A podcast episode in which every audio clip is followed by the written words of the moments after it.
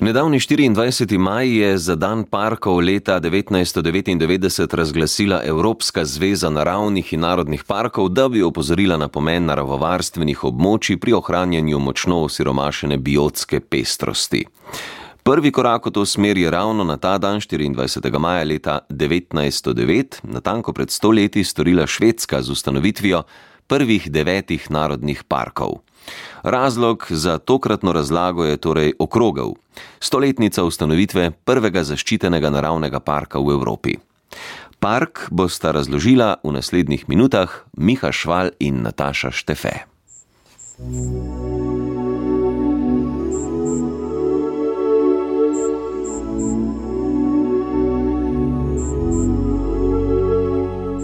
Pa še en razlog se nam je prikradel v tokratno razlago.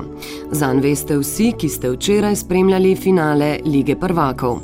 V prvi postavi poraženega Manchestra Uniteda je namreč zaigral tudi južnokorejec Park Ji-sung. Park je namreč tretji najpogostejši korejski priimek, saj ga ima približno 4 milijone ljudi samo v Koreji, to pomeni skoraj desetino populacije. Če je napisan park kot priimek, pomeni ravnino, če pa se uporablja kot osebno ime, pomeni iskren, preprost, neolepšan. Zdaj pa k neolepšani razlagi slovenske besede park.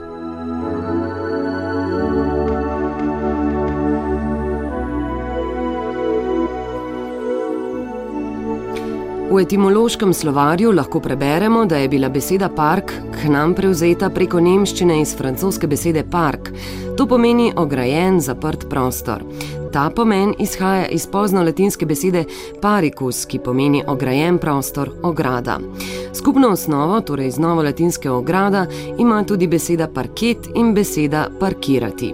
Torej, z domačega parketa bomo zdaj z nekoliko sreče parkirali na nezaston parkirnih mestih in se odpravili v park.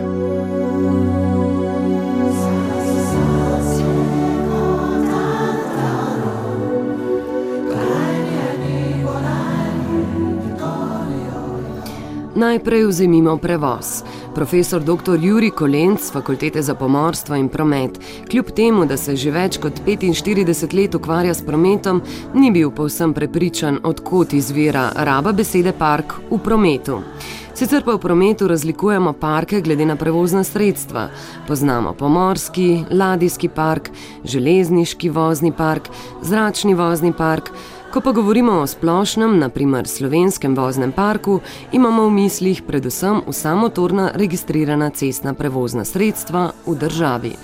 V slovenskem pa, voznem parku lahko rečemo, a je ta vozni park mlad ali pa star vozni park. Tako v Sloveniji nekako danes govorimo, da Slovenija ima relativno mlad vozni park. To pomeni, da vozni park je nekaj poprečje starosti 5, 6, 7 let do 10 let.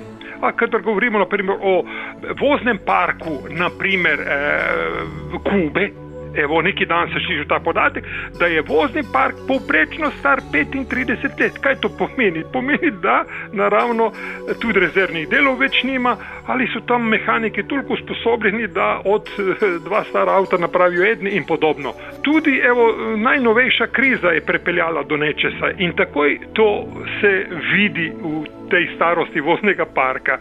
Naprimer, povprečje v Ameriki se vozni park je bil relativno mlad, da rečemo 5-6 let. Danes se že govori o tem, da ta kriza, ki traje evo, že drugo leto, je pripeljala do tega, da ljudje vozila eh, manj menjajo, pomeni dlje vozijo svoje vozilo, pa je že se zvišal vozni park, da je zdaj 7 let star, a ne eh, morda 5-6, ki je pred dvemi, tremi leti bil. Evo, na ta način se govori o voznih parkih v širših razmerah. No, krajinski arhitekt pa ob omembi parkah zagotovo ne pomisli na promet. Dr. Davorin Gazvoda je krajinski arhitekt z Biotehnične fakultete v Ljubljani. Če govorimo o parku, tudi v pogovornem jeziku, se običajno to nanaša na mestni park, ki pa je seveda zraven še javni mestni park. In te eh, mestne zelene površine, ki so bile nekje že v začetku 18. oziroma 19. stoletja namenjene za javno rabo. Potem pa konc 19. stoletja, ko se tudi pri nas pojavil recimo Tivoli 1860 postane to javni mestni park. Prej recimo niso poznali te oblikovane krajine v, v taki funkciji, kakršni je recimo danes. V taki funkciji ne, to so bili seveda zasebni vrtovi, ki so se potem uh, odpirali tudi za javnost lahko. V Ljubljani so bili recimo značilni eh, Cojzovi vrtovi, Karl Cojz, brat Žiga Cojsa je imel za dramo, zadaj za današnjo dramo, pravi botanični vrt. In je potem ob sobotah popovdne tudi on odprl vrata za meščane, da so lahko prišli na ogled tega parka. Tako da se je začelo v bistvu potem preko odpiranja teh parkov.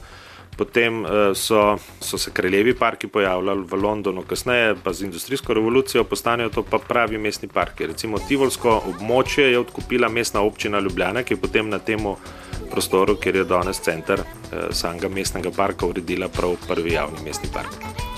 Prve vrtove v smislu parkov najdemo že pri Sumercih okoli 3000 do 4000 let pred našim štetjem. Egipčani so uvedli prve parke z ribniki, v mestih antične Grčije pa so imeli zelenjem obdane sprehajalne poti, njihova mesta za govore in pogovore so bila predhodniki današnjih javnih parkov. Danes v sodobnih mestih govorimo že o tematskih parkih, kot so športno-rekreacijski parki, pa botanični parki in podobno. Vprašanje za krajinskega arhitekta Davorina Gazvoda pa je še, kakšna je razlika med parkom in tisto zelenico pred bloki.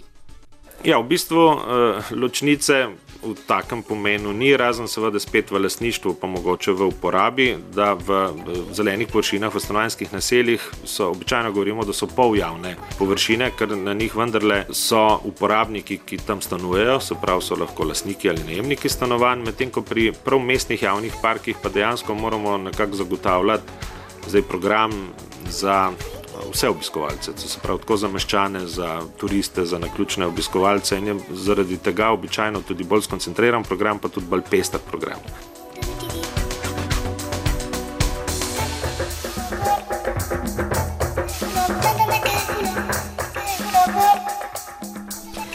Ja, ob besedi park verjetno večina pomisli na mestni park. Ljubljančani na Tivoli, tisti bolj svetovljansko razpoloženi pa na londonski mestni Hyde Park, ki ga je kralj James I odprl že leta 1603. Iz Londona Matjaš Ambrožič. Na zahodu 473 let star Hyde Park meji na ulico imenovano Kensington Palace Gardens, najbolj petično stanovansko četrt na svetu, le čez plot je palača Kensington, zadnje domovanje princese Diane.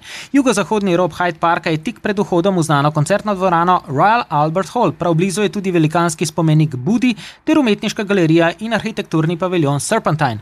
Tako se imenuje tudi velikansko umetno jezero na 28 hektarjih, ki se razprostira do tako imenovanega italijanskega vrta. Na jezeru lahko čovnarite, nekoč pa so tam uživali tudi plavalci, ki pa se vračajo. Vodna etapa olimpijskega triatlona leta 2012 bo prav tam. Hyde Park ima več kot 35 km urejenih sprehajalnih poti, kjer teoretično lahko srečate 50 tisoč vsakodnevnih sprehajalcev ali rekreativnih tekačev. Večina parkovne površine, ki meri skupno 250 hektarov, je urejena in pokošena zelenica z veliko drevja, ki pa ga ni toliko, da bi pogled spominjal na gost. Konji in rolkari imajo svojo pisto na Roten rovu, to je ob 6 km južnem robu, tam proti vzhodu te poti pa je navadno pogono tudi velik zabaviščni park, pa tudi manjši botanični vrt. Posebnost Hyde Parka je Speaker's Corner ali govorniški kot, kamor lahko pride vsakdo in zbran in kaj pove. Tam so nastopali tudi Marx, Lenin in Orwell, ki pa so imeli gotovo več poslušalcev, kot jih imajo govorci danes. Zdi se, kot da je sijaj in pomen govorniškega kota načel nihče drug kot internet. Veliki glasbeni koncerti so ob vzhodni meji parka ob aveniji Park Lane. Julija se tja pred kakšnih 70 tisoč poslušalcev odpravljajo tudi Bruce Springsteen in povratniki skupina Blur. V parku med polnočjo in peto jutranjo niste dobrodošli, saj tedaj Hyde Park zaprt. In še dodatek, Hyde Park ni zgolj samo v, v Londonu. Zgolj v Veliki Britaniji so še trije Hyde Parki, skoraj 20 jih je v Združenih državah in vsaj trije s tem imenom so v avstralskih mestih. Park z imenom Hyde Park pa je tudi v bogatem predmestju Johannesburga v Južni Afriki.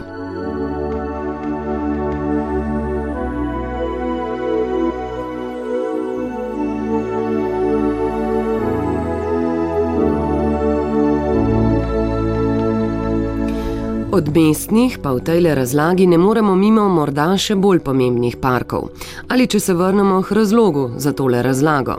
Z razglasitvijo Evropskega dneva parkov je Evropska zveza opozorila na pomen naravovarstvenih območij pri ohranjanju močno osiromašene biotske pestrosti.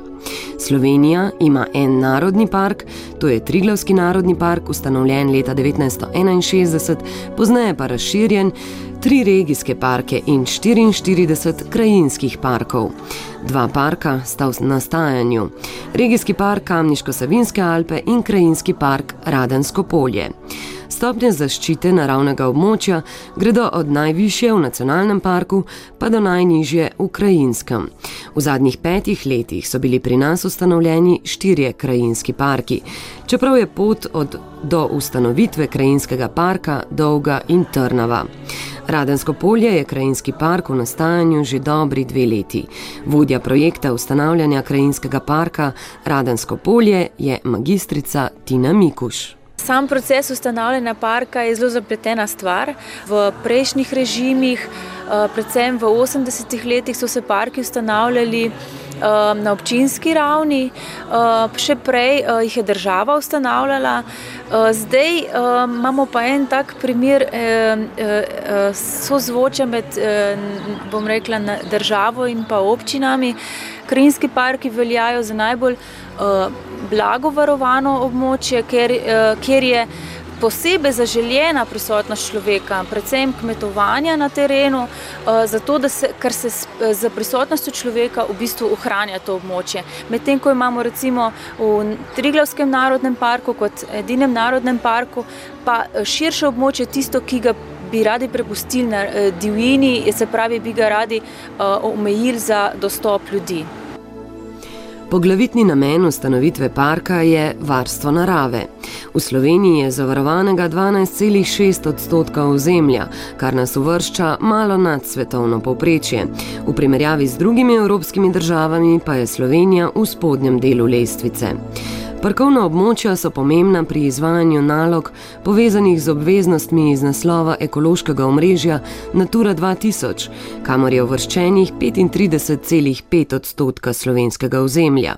Sama zagotovitev statusa krajinskega parka pa še ne zagotavlja tudi dobrega upravljanja z naravno dediščino. Magistrica Tina Mikuš. V bistvu sistem na tem področju ni. Uh ni še čisto urejen. Eh, mi imamo večina teh 44 krajinskih parkov je brez upravljavca. Eh, mislim, da eh, imamo vsega skupaj 8 ali 9 zavarovanih območij, torej parkov, ki imajo upravljavca. Vsi ostali, vse sala razglašena zavarovana območja pa so brez upravljavca. To pomeni, da v bistvu obstajajo samo na papirju. Ne? In to je problem, ki ga bo pa pač v naslednjih letih moralo rešiti verjetno država na sistemski ravni. Ja, in tako smo od voznih do mestnih in zavarovanih parkov, ovinek stran bi lahko omenili še tako imenovane skate parke ali pa tehnološke parke namenjene spodbujanju podjetništva. Miha Šval, Janez Podlesnik in Nataša Štefe povedali, kar smo o parkih nameravali povedati. Za piko na i današnje razlage z razlogom, glede na to, da se nam približuje tudi čas glasbe z teras, ena taka Gugujevska, sam po parku in ansambl Gugu. In še P, PS, pa prijetne sprehode.